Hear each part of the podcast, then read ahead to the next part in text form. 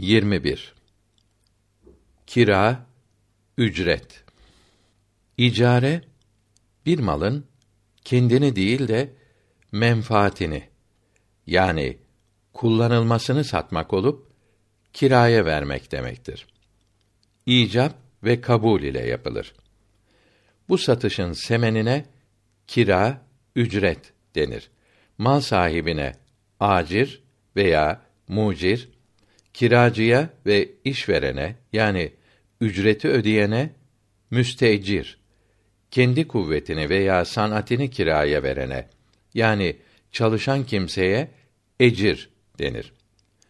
Müstecir mucirin malından ecirin de kuvvetinden veya sanatinden faydelenip buna karşı ücret ödeyen kimsedir. Dürrül Muhtar'da ve Reddül Muhtar'da diyor ki: Bir mal şer'an ve aklen nerede kullanılabilirse o maksatla kullanmak için kiraya verilir. Kumaşı ev ve mutfak eşyasını süs, gösteriş olarak bulundurmak için evi oturmayıp köleyi, altını, gümüşü ve otomobili kullanmayıp başkalarına gösteriş yapmak için kira ile almak fasit olur. Ücret vermesi lazım gelmez. Çünkü bu mallar icap eden yerlerde kullanmak için kiraya verilmemiştir. Bunlar yersiz kullanılsa bile kira vermek lazım olmaz. Koklamak için çiçeği, kokan şeyi ve okumak için kitabı kiraya vermek caiz değildir. Ücreti ve zamanı söylenerek ariyet vermekle de kiraya verilmiş olur. Fakat ücreti söylemeden kiraya vermek ariyet olmaz, fasit icare olur. İcarenin sahih olması için ücretin ve menfaatin bildirilmesi şarttır. Mekanın ve tarlanın menfaati zaman bildirmekle belli olur.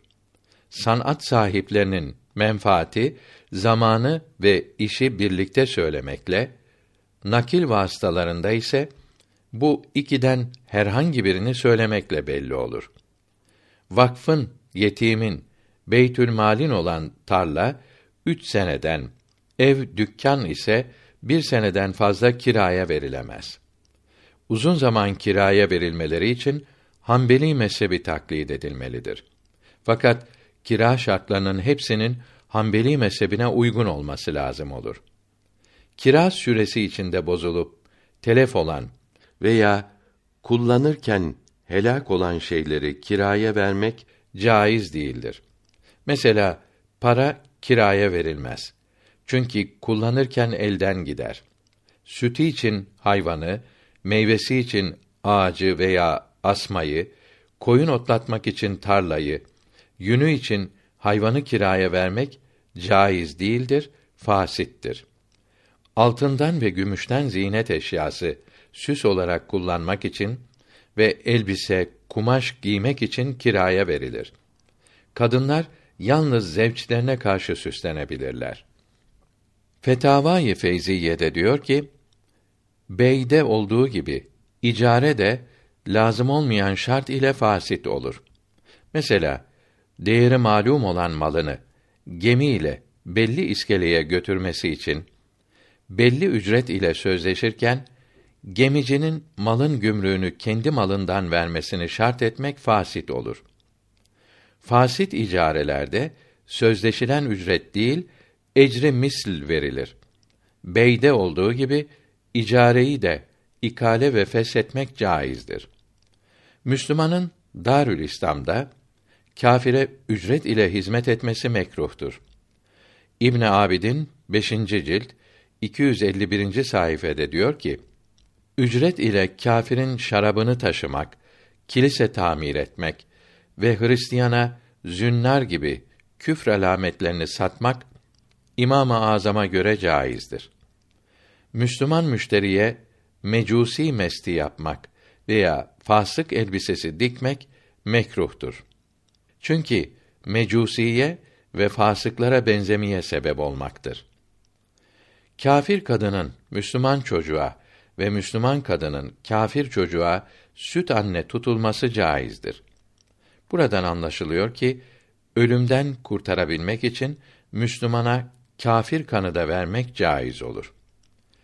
Bir menfaati başka cins menfaat karşılığı kiraya vermek caizdir.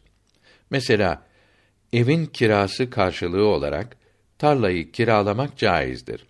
Fakat elbiseyi kiraya verip kira olarak başka elbise almak caiz olmaz. Bir yeri namaz kılmak için kiraya vermek caiz değildir. Bunun kirasını almak haram olur. Burasını bir iş yapmak için kiralamalı ve namaz da kılmalıdır. Tahtavi rahmetullahi teala aleyh Dürrül Muhtar haşiyesi son cildin sonunda diyor ki zalim sultanların uşr olarak milletten alıp kullandıkları malları uşr denilse dahi uşru olmaz. Divandan camekiyelerini almış olurlar. Yani millete hizmet edenlere devletin vereceği ücretleri milletten toplamış olurlar. Bu aldıklarını hizmet edenlere vermeleri lazımdır. Tüccardan aldıkları vergiler de böyledir. Bir sanat sahibine malzeme vererek bir şey yaptırmak da onu kira ile tutmak demektir.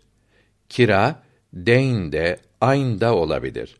Beyde olduğu gibi icare de şart ile fasit olur.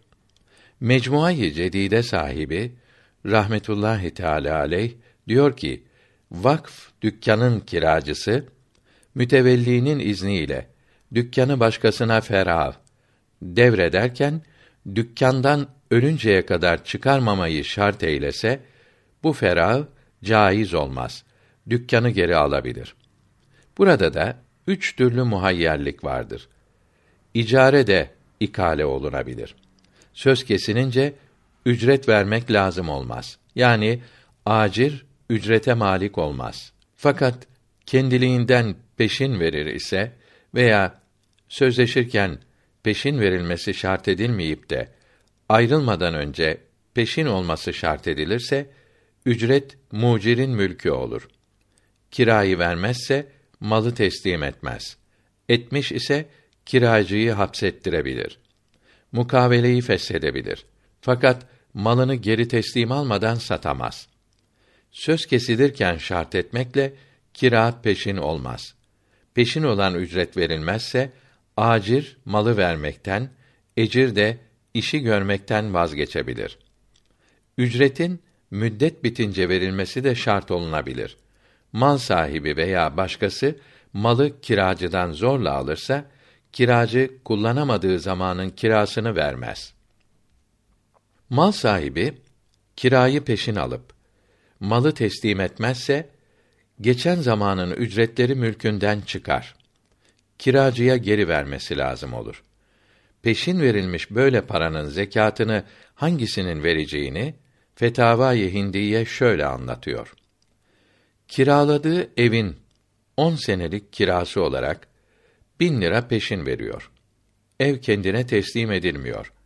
Acir bir sene sonra elindeki bin liradan 900 lirasının zekatını verir. İki sene sonra 800 liranın verir. Her sene 100 lira noksanının ve ödediği zekat noksanının zekatını verir.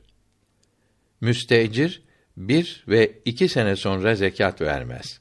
Çünkü kendine geri verilecek para nisap miktarını aşmaz. Üç sene sonra 300 liranın her sene 100 lira fazladan vermiş olduğu zekatları düşerek kalanların zekatlarını verir. Kira olarak bin lira kıymetinde bir cariye vermiş olsaydı, acir hiç zekat vermezdi. Çünkü aldığı cariye ticaret malı değildir. Müstecir ise eskisi gibi zekatını verir. Ücret olarak hacm ile veya vezn ile ölçülen mal vermiş olsaydı, mal deyn ise para gibidir. Aynı ise cariye gibi olurdu. Acir evi teslim etmiş, parayı peşin almamış ise zekat vermeleri aksine döner. Yani acir müstecir için yazdığımız gibi müstecir de acir gibi zekat verirler. Mal sahibi günlük kirayı her akşam isteyebilir. Sanat sahipleri işçilik ücretini eşyanın sahibinden alıncaya kadar eşyayı vermeyebilir. Eşya helak olup teslim edemezse ücret alamaz. Kendisinin yapması şart edildiyse başkasını çalıştıramaz. İşçiliği olmayan hizmetlerde mesela hammal, kayıkçı, şoför ücret almadığı için eşyayı hapsedemez. Eşya helak olursa ücretini alır. Ev ve dükkan kiraya verilirken içinde ne yapılacağı söylenmez ise binaya zarar vermeyecek her iş yapılabilir. Kiracı evi ve dükkanı teslim almadan önce başkasına da kiraya verebilir. Taşınabilen şeyleri veremez. Kiraya verilmiş malı başka bir kimse kullansa gasp etmiş olur. Kiracı kira vermez. Velisinin izni olmadan çocuğa iş yaptıran ücret vermeye mecburdur. Kiraya verilen mal kiracıya teslim edilince emanet olup kiracının elinde kastsız telef olunca ödemez. Adet haricinde kullanmak kast sayılır. Tarla kiraya verilirken ne ekileceği bildirilmeli veya her şey ekilebilir demelidir. Tarla, bina yapmak, ağaç dikmek üzere de kiralanabilir. Müddet bitince bunları kaldırmak veya tarla sahibinin bunları satın alması lazımdır. Yonca da ağaç gibidir. Ekin yetişmeden kira müddeti biterse oluncaya kadar müddet uzatılır. Hayvan binmek ve yük taşımak için, elbise giymek için kiralanır. Şarta uymayıp hayvan ev ve elbise zarar görürse kiracı tazmin eder. Zarar vermeyen şeyleri şart ederse yapmak lazım olmaz. Mesela evde iki kişi oturacak denirse üç beş de oturabilir. Hayvana, kamyona konacak eşyanın cinsi değil, ağırlık şart edilir. Fakat zararlı şey yüklenmez. Hayvanı çekerek veya döverek sakat ederse öder. Hammal, kamyon şart edilen yoldan gitmeyip eşya telef olsa, gittiği yol işlek değilse veya arızalı ise öder. Böyle değilse ödemez. Mektuplaşma ile de kiralamak caizdir. Kiralamada cevap vermemek kabul demektir. Kiracı tarlaya buğday ekeceğim deyip de yonca ekerse sahibi kirayı arttırabilir. Terzi ceket yerine pantolon dikse kumaş sahibi isterse pantolonu alır, isterse kumaşı ödetir. Mal sahibi daha fazla kira veren bulunca müddet bitmeden mukaveleyi bozamaz. Kirada bulunan malı satın alan başka kimse kontratı bitmeden kiracıyı çıkaramaz. Müşteri kontrat bitinceye kadar bekler veya beyi mahkeme ile feshettirir. Senelik kirası söylenip müddet söylenmez ise müddet bir sene olur. Müddet söz kesildiği gün başlar. Ücret ise malı teslim aldığı gün başlar. Bir dükkanı kiralayıp teslim alan kimse bir müddet iş yapmayıp dükkan kapalı kalsa kirayı tam vermesi lazımdır. Bir senelik olmak üzere her aylığı şu kadar liraya olarak caiz olduğu gibi senelik toptan söylemek de caizdir. Kiracı sanatını değiştirirse, iflas ederse, başka şehre yerleşirse kira fes olur. Bir evin bir odası yahut bir duvarı yıkılsa kiracı çıkabilir veya tam ücretle başka odasında oturur. Kiradaki binanın ve eşyanın tamiri ve zamanla tıkanmış boruların tamiri ev sahibine aittir. Tamir etmezse kiracı evden çıkabilir. Fakat yaptırmaya ev sahibini cebredemez. Ev sahibinin izniyle kendi yaparsa parasını kesebilir. Kendiliğinden yaparsa kesemez. Kullanmaya lazım şeylerin mesela hamur ocağı tamir parasını kiradan kesemez. Kiracı mala zarar verirse mal sahibi çıkaramaz. Fakat mahkemeye verir. Hapishane ve gardiyan ücretini Beytül Mal öder. Beytül Mal yoksa alacaklı öder. Mahkeme masraflarını davacı öder. Kira müddeti hitamında ev sahibi gayip ise kira müddeti kendiliğinden bir misli uzar. Kiracı gayip olunca da böyledir. Yani mal sahibi kiracının çoluk çocuğunu evinden çıkaramaz. Fakat müddet bitmeden önce başkasına kiraya vermişse müddet sonunda birinci akt biter. İkincisi başlar. Birinci kiracının çoluk çocuğunu evden çıkarabilir. Müddet hitamında iki tarafta icareyi feshedebilir. Fakat akt yapılmış olanın yanında feshedilmesi lazımdır. Kira müddeti bitince mal sahibi uzatmaz ise kiracı çıkar. Malı olduğu gibi teslim etmesi lazımdır. Teslim etmezse gasp etmiş olur. Fakat kullanma sebebiyle herkes için hasıl olması adet olan haraplık kabahat sayılmaz. Bir mahalden bir mahalle gitmek üzere muayyen bir hayvan, araba, motor, kamyon kiralandığı gibi muayyen insanın veya eşyanın götürülmesi de sözleşilebilir. Vasıta yolda kalırsa birinci şekildeki kiralamada müşteri muhayyer olup dilerse tamir oluncaya kadar bekler, dilerse vazgeçip oraya kadar olan parayı verir. İkinci sözleşme halinde ise vasıta sahibi başka vasıta ile hemen götürmeye mecburdur. Vasıtadan eşyayı indirmek de ona ait olur. Yol tehlikeli olup geri dönülürse hiç ücret verilmez. Hamam ve hacamat parası almak caizdir. Erkek hayvanın dişiye aşması ücreti alınmaz, haramdır. Dişi erkeğin köyüne götürülürse aygırın sahibine gıda ve hizmet masrafı ödenir. Ustanın yaptığı şeyi belli zaman için garanti etmesi sahih değildir. Bu zaman içinde bozulursa tamir etmez.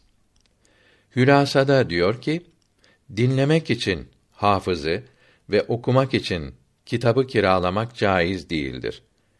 Kur'an-ı Kerim öğreten hocaya hediye vermek lazımdır. Ezan, imamlık, Kur'an-ı Kerim ve mevlid okumak, din bilgisi öğretmek için ücret almak caiz değil ise de imamlık, müezzinlik ve ilm öğretmek için almaya izin verilmiştir. Haram işler için ücret almak caiz değildir. Her türlü kirayı, ücreti vermeyen hapsolunur. Her çeşit nakil vasıtalarının ücretini vermek, hile yapmamak lazımdır. Umumi hizmetlerde emniyet ve sıhhat işlerinde çalışan memurların, işçilerin, idarecilerin ücretlerini hükümetler, belediyeler vermekte ve her türlü masraflarını karşılamaktadırlar. Bu ödemeleri milletin vekilleri olarak yapıyorlar. Bu paralara kaynak olmak için milletten vergi alıyorlar. Bu vergileri ödememek veya hile yapmak günah olur. İbn Abidin rahmetullahi teala aleyh Reddül Muhtar'ın Uşr bahsi sonunda ve Bahrül Raik sahibi rahmetullahi teala aleyh şurp fasıllarında diyor ki kimsenin mülkü olmayan umumi nehrin temizlenmesi masrafı Beytülmal'in cizye ve haraç kısmından verilir. Zekat ve uşru kısmından verilmez. Çünkü zekat paraları yalnız fakir olan Müslümanlara verilir. Beytülmal'in bu kısmının geliri yoksa oradaki insanlar temizler. Temizlemezlerse fakirler zor ile çalıştırılır. Zenginlerden de para alınıp masraflar karşılanır. Mecellenin 1321. maddesinde de böyle yazılıdır. Uşr bahsi sonunda ve Beytül Mali anlatırken bildirilen umumi hizmetlerin masrafları da hep böyle karşılanır. Görülüyor ki hükümetin ve belediyelerin yaptıkları hizmetlerin masraflarını milletten istemeye, hatta zor ile almaya hakları vardır. Dürrül Muhtar sahibi rahmetullahi teala aleyh 5. ciltte icareyi anlatırken 34. sayfede diyor ki: Günah işleyenleri, mesela şarkı söyleyenleri, ölü için metihe söyleyip ağlayanları ve çalgıcıları kira ile tutmak sahih değildir. Oyun için davul çalmak da böyledir. Askerler için, düğün için davul çalmak caizdir. Şarkıcının, çalgıcının kazandığı parayı sahiplerine geri vermesi lazımdır. Sahipleri bilinmezse fakirlere sadaka vermelidir. Bunlar kira ile tutulmayıp önceden şart etmeyip hediye olarak verilirse alması helal olur. Fakat yine tayyip iyi para değildir. Çünkü adet haline gelen hediyeler şart edilen ücret gibidir. İbadet yapmak için de adam kiralamak ve namaz kılmak için ev kiralamak Hanefi ve Hanbeli mezheplerinde sahih değildir. Mesela ücret ile ezan okutmak, hacca göndermek, imam tutmak, Kur'an-ı Kerim öğretmek, din dersi öğretmek caiz değildir. Şafii ve Maliki mezheplerinde kabr başında ve sahibinin yanında ücret ile Kur'an-ı Kerim okutmak caizdir. Fakat bu mezheplerde beden ile yapılan ibadetlerin sevapları başkalarının ruhuna gönderilemez. Sonradan gelen din alimleri din düşmanları değil. Kur'an-ı Kerim ve din dersi öğretmek ve ezan, imamlık için para ile adam tutmak caiz olur dedi. Bunlara sözleşilen ücretin verilmesi lazım olur. Vermeyen hapsolunur. İbn Abidin bu satırları açıklarken buyuruyor ki, aslında ücret ile ibadet yaptırmak caiz değildir. Çünkü hadis-i şerifte Kur'an-ı Kerim okuyunuz fakat bunu geçim vasıtası yapmayınız buyuruldu. Bir hadisi şerifte ezan okuyun, ezan için ücret almayın buyuruldu. Son zamanlarda dinde gevşeklik olduğundan Kur'an-ı Kerim'in ve din bilgilerinin unutulmaması ve imamlığın, müezzinliğin yapılabilmesi için ücret ile yaptırılması zaruret haline gelmiştir. Fakat bu fetva bütün ibadetlerin ücret ile yapılabileceğini göstermez. Yalnız saydıklarımız zaruret olup mezhebin aslından dışarıda bırakılmaktadır. Hafızlara ücret ile Kur'an-ı Kerim okutmak zaruret olmadığı için muhakkak caiz değildir. Tacüş Şeria Hidaye şerhinde diyor ki: Ücret ile okunan Kur'an-ı Kerim'den ne ölüye ne de okuyana sevap hasıl olmaz. Ayni Hidaye şerhinde diyor ki: Hafızlar para için, mal için okumamalıdır. Hafız da parayı veren de günaha girer. Cevhere kitabında ücret ile belli bir zaman Kur'an-ı Kerim okutmak caiz değil diyenler olduğu gibi caiz diyenler de oldu. Doğrusu da budur diyor. Burada Kur'an-ı Kerim öğretmek yerine yanlışlıkla Kur'an-ı Kerim okutmak yazıldığı hatıra gelmektedir.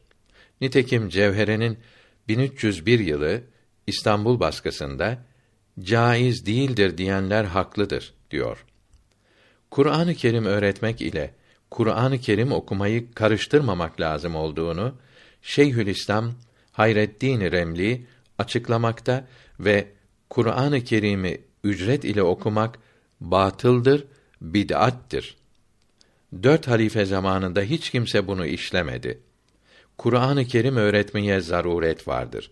Mezar başında ücret ile Kur'an-ı Kerim okutmak için ise zaruret yoktur buyurmaktadır. Caiz olup olmamak şüphesi Kur'an-ı Kerim öğretmek için alınan paradadır. Kur'an-ı Kerim ve mevlid okumak için ücret almaya caiz diyen olmamıştır. Din kardeşinin kabrini ziyaret edip ruhuna Kur'an-ı Kerim okumak iyidir. Fakat ölürken bunu vasiyet etmek caiz değildir. Okuyana yardım niyetiyle de caiz olmaz.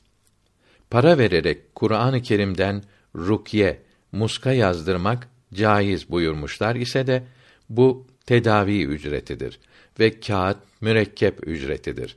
İbadet ücreti değildir. İbn Abidin'den tercüme tamam oldu. Hamza Efendi rahmetullahi teala aleyh Bey ve Şira risalesinde diyor ki: Para ile Kur'an-ı Kerim ve başka şeyler mevlid okutmak haramdır.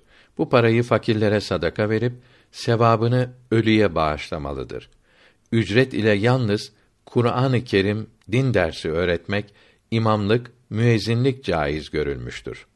Hadika ve Berika son sayfelerinde diyor ki, hafız pazarlık etmeden Allah rızası için hatm, cüz veya mevlid okursa okutanın hediye ettiğini alması caiz olur. İtiraz ederse aldığı haram olur. Okutanın da az vermesi caiz değildir. İmamı Zahidi rahmetullahi teala aleyh Havi kitabında hatm okutmak için hafıza 45 dirhem gümüş veya dört buçuk miskal yani bir liralık üç altından az hediye vermek caiz değildir buyuruyor. Ne kadar çok verirse sevabı o kadar çok olur. İbn Abidin 5. cilt 249. sayfede buyuruyor ki: Hakimlik gibi ibadetleri ücret şart etmeden kabul edip işe başlamalı, sonra işveren ne verirse almalıdır. Bu kadar para verirsen yaparım, vermezsen yapmam demek batıl olur, ücreti alması haram olur. Hafız okumak için çok veren ile az vereni ayırt etmemelidir. Ayırt ederse para kazanmak için hafız olmuş demektir. Bu ise haramdır. Hafızlar Kur'an-ı Kerim ve mevlid okumakla geçinmemeli. Bunları para düşünmeden Allah rızası için okumalıdır. İmamlıkla, sanatla veya ticaretle geçinmelidirler. Kur'an-ı Kerim'i bastırıp satanlar, bunu kitapçılık ticaretine alet edenler, Kur'an-ı Kerim öğretilmesine, okunmasına sebep olmak niyetiyle olursa caiz ve sevap olur. Aldığı satış parası helal olur. Fakat böyle niyetin alameti vardır ki mal oluş fiyatına yakın az bir kârla satmalıdır. Geçimi başka kitaplardan sağlanıyorsa Kur'an-ı Kerim'i kârsız satmalıdır. Şir'ada diyor ki Muaz bin Cebel radıyallahu teala anh hazretlerine falanca Kur'an-ı Kerim yazıp satıyor dediklerinde bu Kur'an-ı Kerim satmak değildir. Kağıt ve işçilik ücreti istemektir. Kur'an-ı Kerim'i satmak demek onu para ile, ücret ile öğretmektir buyurdu. Kur'an-ı Kerim'i okuyarak geçim vasıtası yapmak için ezberleyen hafızlar ve tecvid ile okumayıp teganni ile okuyan hafızlar gerçekten hameli Kur'an değildir. Çok hafızlar vardır ki Kur'an-ı Kerim bunlara lanet eder. Hadisi şerifinde bildirilenlerden olurlar. Kiraya verdiği malı teslim etmezse teslim edinceye kadar hapsolunur. Müşterek olan mal ancak ortağa kiraya verilir. İmameyn başkasına da verilebilir buyurdu. Bir evi birkaç kişiye kiraya vermek caizdir. Malum ücret ile süt ana tutmak caizdir. Çocuğu ve bezlerini yıkamak, yedirmek de ona ait olur. Erkek ailesini süt analığa göndermeyebilir. Fasit icare. İpliğin bir kısmını dokumacıya kira olarak bırakmak üzere dokutmak, eşyadan bir kısmını kira olarak vermek üzere taşıtmak için hayvan kiralamak, unun bir kısmını kira vermek üzere buğday öğütmek fasittir. Bir kimse birinin malını izinsiz kullansa ücret vermez. Eciri müşterek serbest işçi demektir. Yani herkese işler. Yahut yalnız bir kişiye zaman belli olmadan işler. Ancak işini bitirince ücreti verilir. Eşya elinde emanet olup helak olursa ödemez. Fakat helak olmasına kendi sebep olursa kast bulunmasa dahi öder. Doktor, dişçi, eczacı, fen haricinde yanlış iş yapıp hasta zarar görürse öderler. Ecire has belli zamanda belli işi yapmak için hususi tutulan işçidir. Elindeki mal kastsız helak olursa ödemez. İşçiye farklı ücret ile iki veya üç iş gösterilip Hangisini yaparsa onun ücretini vermek caizdir. Dört iş göstermek olmaz. Sözleşilen zaman iyi bilinmezse de ücreti verilir. Ücret söylenmediyse tutulan kimse işçi veya sanat sahibi olarak çalışan biri ise o memleketteki ücret üzerinden hakkı verilir. Eğer böyle biri değilse yardıma gelmiş olacağından bir şey verilmez. Çağırmadan gelene de ücret verilmez. Bir işçi kendi çalışması şart ise yerine başkasını çalıştıramaz. Hammal yükü eve sokar fakat yerine koyması lazım değildir.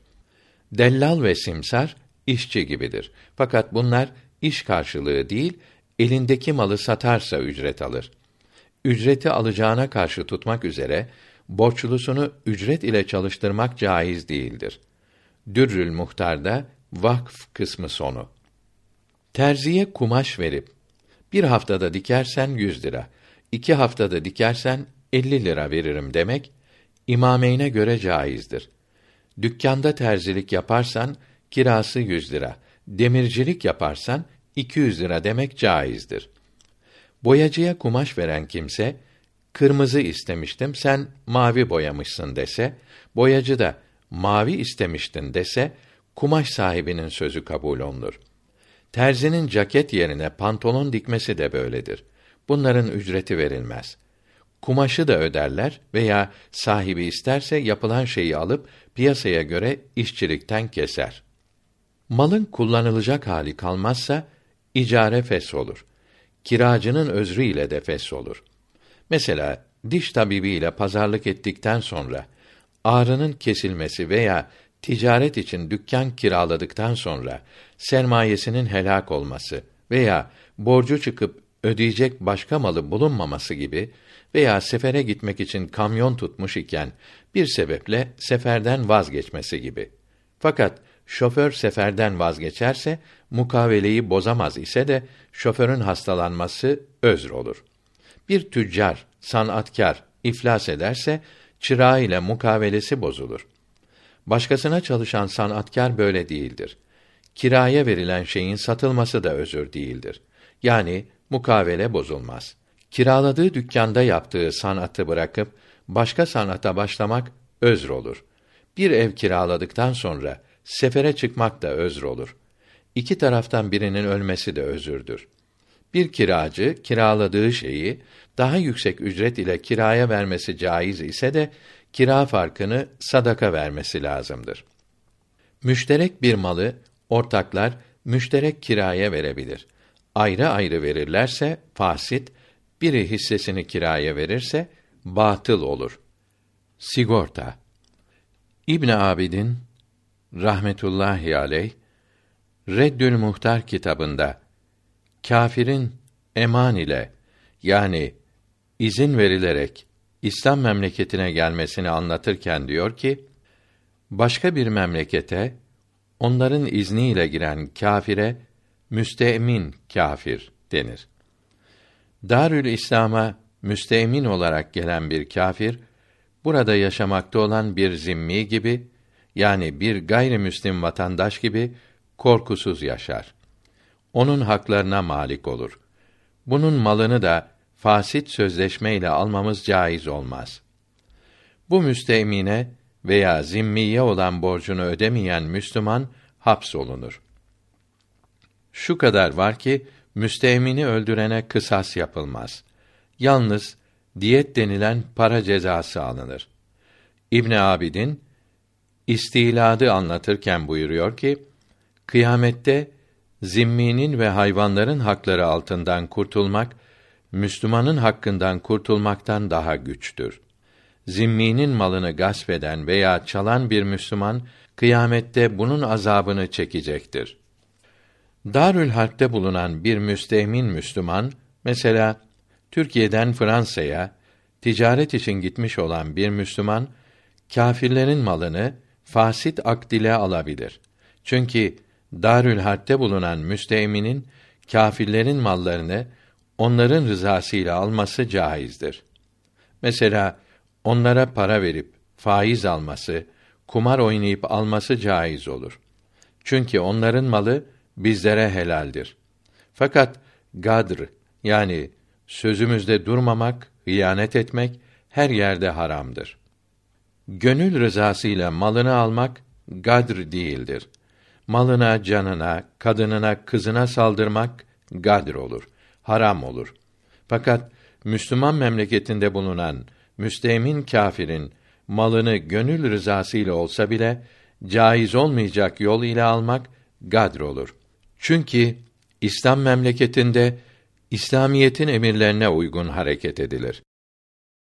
İslam memleketinde müstemin ile de Müslümanlar ile yapılması caiz olan sözleşmeler yapılır. Alması İslamiyette lazım olmayan malları alınamaz. Adet olsa da alması yine caiz olmaz. Mesela Meryem Ana'yı ziyaret için Kudüs'e gelenlerden ve turistlerden ayak bastı parası veya başka isimlerle bir şey almak caiz olmaz. Müslüman hacıdan ayak bastı parası almak da haramdır. Darül bulunan Müslüman esirin onların malına, canına saldırması caizdir. Esiri serbest bıraksalar, rahat dolaşsa, çalışıp kazansa da saldırması caiz olur.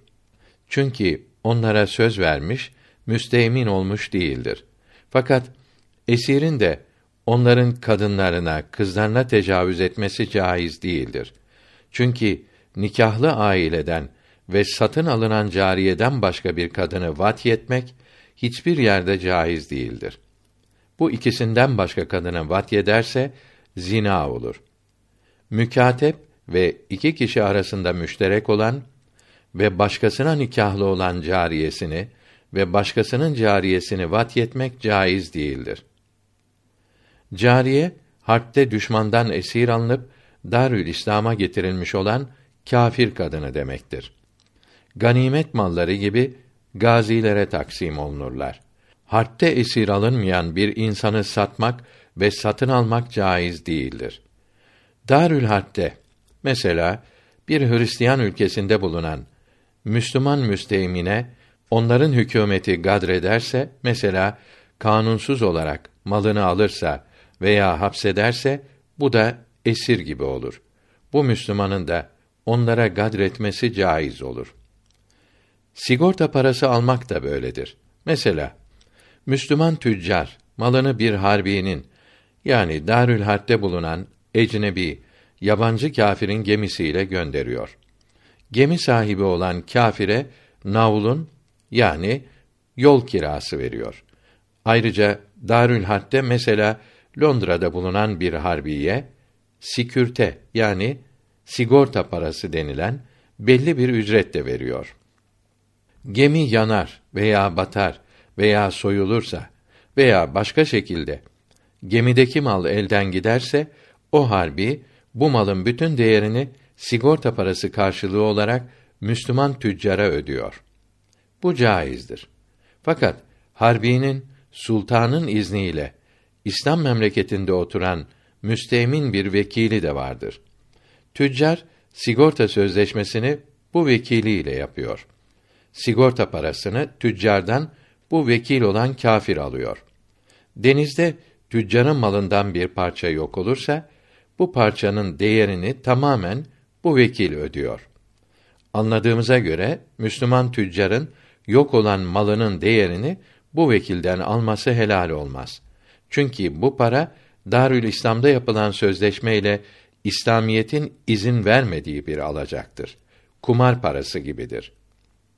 Sual: Emanetçi mal sahibinden emanet parası alınca mal helak olursa malı ödemesi lazım geliyor. Kumar olmuyor. Sigorta da böyle değil midir? Cevap: Sigortacıdan alınan para emanetçinin ödemesi gibi değildir. Çünkü mal sigortacıya teslim edilmiş değildir. Gemiciye teslim edilmiştir. Eğer sigortacı geminin sahibi olursa ecir müşterek yani serbest genel işçi olur. Mal elinde emanet olur. Verilen sigorta parası emanetçiye verilen para gibi olur. Bundan başka emanetçi ve ecir müşterek batma, ölüm ve benzerleri gibi sakınılamayacak sebeplerle elden çıkan malı ödemezler. Sual Kefaleti anlatmaya başlarken deniliyor ki bir kimse birine bu yoldan git, bu yol emindir, korkusuzdur diyor. O da bu yoldan gidiyor. Yolda soyuluyor. Söyleyen kimse bunun malını ödemez. Bu yol emindir. Eğer korkulu ise soyulur isen öderim derse ödemesi lazım olur. Sigorta da böyle değil midir? Cevap: Yol emindir demek emin olduğunu biliyorum demektir. Bir kimse bilmiş olduğunu söylemekle kefil olmaz. Eğer söylediğim gibi değilse öderim deyince kefil olur. Kefil olarak aldatırsa ödemesi lazım olur. Yolda soyulur isen öderim demediği için kefil olmaz. Ödemesi lazım gelmez. Kefil olacağını söylemesi aldatmadığına alamettir. Mesela değirmene buğday getiren köylüye değirmenci bu kovaya koy dese, köylü de koysa, kovanın deliğinden buğdaylar suya dökülüp sürüklense, gitse, değirmenci koy derken kovanın delik olduğunu biliyorsa buğdayları öder. Çünkü söylerken aldatmış oldu. Demek ki aldatmak demek için söyleyenin tehlike bulunduğunu bilmesi ve karşısındakinin ise bilmemesi lazımdır. Köylü kovanın delik olduğunu görerek, bilerek buğdayını koyarsa malını kendi isteğiyle ziyan etmiş olur. Sigortacının tüccarı aldatmak kastı olmadığı meydandadır. Geminin batıp batmayacağını bilmez. Hırsızların, yol kesenlerin tehlikesi varsa bunu sigortacı gibi tüccar da bilir. Tüccarın sigorta parası vermesi de yolda tehlike olduğunu bilip malı elden çıkınca bedelini alabilmesi içindir. Sigorta işi yolcunun veya köylünün aldatılmasına benzememektedir. Müslüman tüccarın Darül Harp'te yani İngiltere gibi putlara tapınılan bir memlekette bulunan bir harbi ortağı olup bu ortağı orada sigortacı ile sözleşme, anlaşma yapar ve helak olan malın bedelini orada sigortacıdan alıp buradaki Müslüman ortağına gönderirse Müslüman tüccarın gelen bu parayı alması helal olur. Çünkü fasit olan sözleşme Darül Harp'te ve iki harbi arasında olmuştur. Onların malı kendi istekleriyle Müslümana gönderilmiştir. Alması günah olmaz. Müslüman tacirin Darül Harbe gidip sigortacı kafir ile orada sözleşme yapması ve helak olan malın değerini Darül İslam'da sigortacının vekilinden alması caiz olur. Çünkü Darül Harp'te bir harbi ile yapılan sözleşmenin kıymeti yoktur. Harbinin malını onun rızasıyla almış olur. Kafir ile sözleşmeyi Darül İslam'da yapıp malın bedelini kâfirden Darül Harp'te alırsa kâfirin isteğiyle olsa bile alması helal olmaz. Çünkü bu parayı Darül İslam'da yapılan fasit akt yani sözleşme sonucu olarak almaktadır. Darül İslam'da yapılan her akt muteberdir. Şer'i hükümleri yapılır. Bu akt fasit olduğu için haramdır. İbn Abidin'den tercüme burada tamam oldu. Son asrın büyük alimlerinden Muhammed Bahitül Mutei rahmetullahi teala aleyh Sükertah risalesinin 24. sayfasında temin yani sigorta sözleşmesi fasit bir akttir. Çünkü muhtemel olan bir tehlikeye bağlanan bir sözleşmedir. Bu ise kumardır diyor. Ahmet İbrahim Efendi de Mecelletü Şübbanil Müsliminin 1941 senesinin üçüncü sayısında hayat sigortası bir tehlikeye bağlanan bir kumardır demektedir. Bu alimlere karşılık Doktor Sıddık Muhammed Emin Darir Hedyül İslami'nin 1975 senesi 6. sayısında sigorta yardımlaşmadır. Bir kimseye gelen tehlikeyi birçok kimsenin paylaşmasını temin etmektedir. Sigortacı bu yardımlaşmaya kefil olmaktadır. Sigortalı ve sigortacı alacakları ve verecekleri paradan emindirler. Sigorta tehlikenin zararından kurtulmak içindir. Kumar ise kendini tehlikeye atmaktır. Sigorta ciddi bir sözleşmedir. Kumar ise oyundur. Evet, sigorta garer bulunan yani sonu muhtemel ve şüpheli olan bir akttir, bir sözleşmedir. Resulullah sallallahu aleyhi ve sellem garer bulunan satışı yasak etmiştir. Yakalamadan önce balığı satmak böyledir. Sigortadaki garer gareri fahiştir. Fakat umumi ihtiyacı olunca ve başka çare bulunmayınca garer bulunan akdler caiz olur. İmam-ı Suyuti rahmetullahi teala aleyh ihtiyacı şöyle tarif etmektedir. Memnu olanı kullanmazsa meşakkat hasıl olacak haldir. Fakat kullanmazsa ölüm hasıl olmaz. Tehlikeye, zarara düşen insanın yardıma ihtiyacı inkar edilemez. Fakat kar, kazanç için kurulmuş olmayan teberru yardım şirketleri bu işi görür.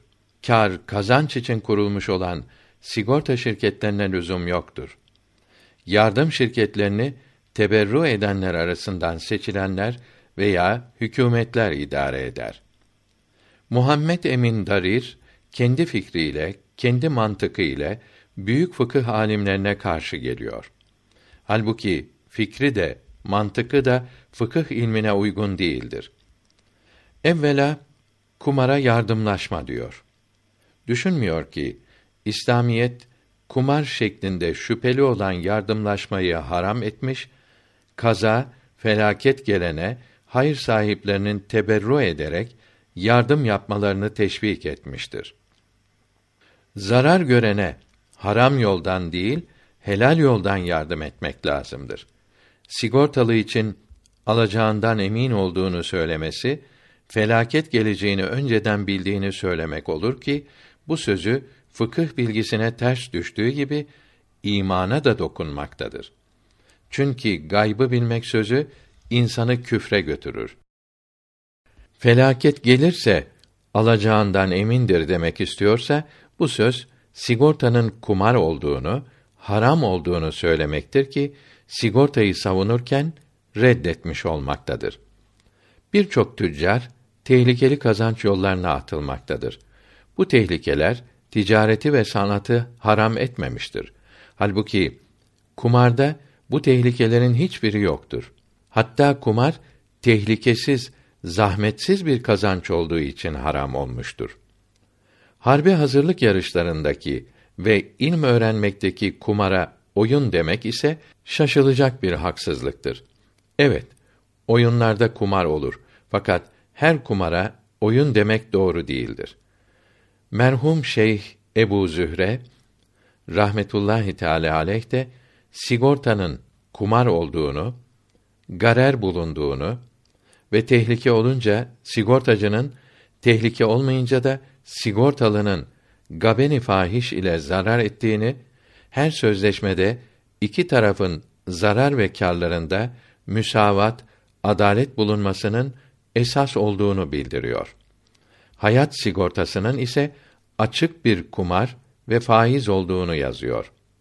Ayrıca 1972 yılında Libya'da Beyda şehrinde toplanan konferansta zarar ve tehlike için olan sigortalar dört mezhebin fıkıh ilimlerine uymuyor ise de adet halini aldığından ve ithalatı arttırdığından caiz olacağına hayat sigortasının ise açıkça kumar olup haram olduğuna karar verildiğini yazıyor.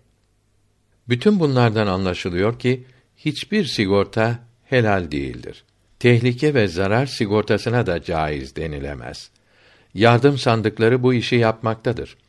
Fakat yardım sandıklarına hayır sahipleri ve hükümet para koyar. Buraya para koyan bundan istifade edemez. İstifadeye kalkışırsa kumar olur, haram olur. Haramların adet halini alması helal olmalarına sebep olamaz. Görülüyor ki Müslüman olsun, kâfir olsun herhangi bir sigortacı ile Darül İslam'da yapılan sözleşme fasittir. Alınan ve verilen paralar haramdır. Bir Müslümanın kâfir olan sigortacılar ile Darül Harp'te sözleşme yapması ve ondan para alması helal olur. Darül İslam'da semavi yani kaza ile afet ile olan zararlar sigorta şirketleri tarafından değil, yardım cemiyetleri tarafından ödenmelidir.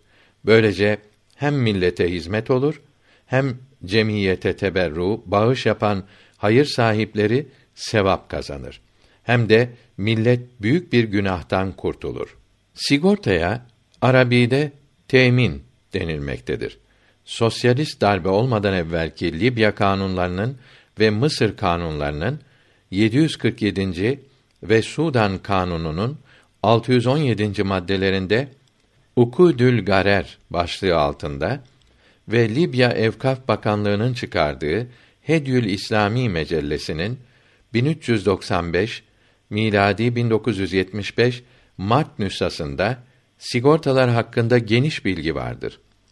Bu bilgilerin çoğunun İslamiyete uygun olmadığı Hedyül İslami'nin 1975 ve 1976 nüshalarında yazılıdır. İslamiyette sigortanın hiçbir nevi yoktur. İslamiyette vakf ve beytül mal yardım cemiyetleri vardır. İşçi sigortalarının ve emekli sandıklarının işlerini beytül mal yapar. Beytül mal işçiden memurdan hiçbir şey almaz. Aylıklarından ve ücretlerinden hiçbir şey kesmez. Çünkü bunlar fakirdirler. İşverenden, tüccardan zekat alır. Bu işi hükümet yapar. İşverenlerin, tüccarların defterlerini, hesaplarını inceleyerek zekatlarını alır. Beytül male koyar.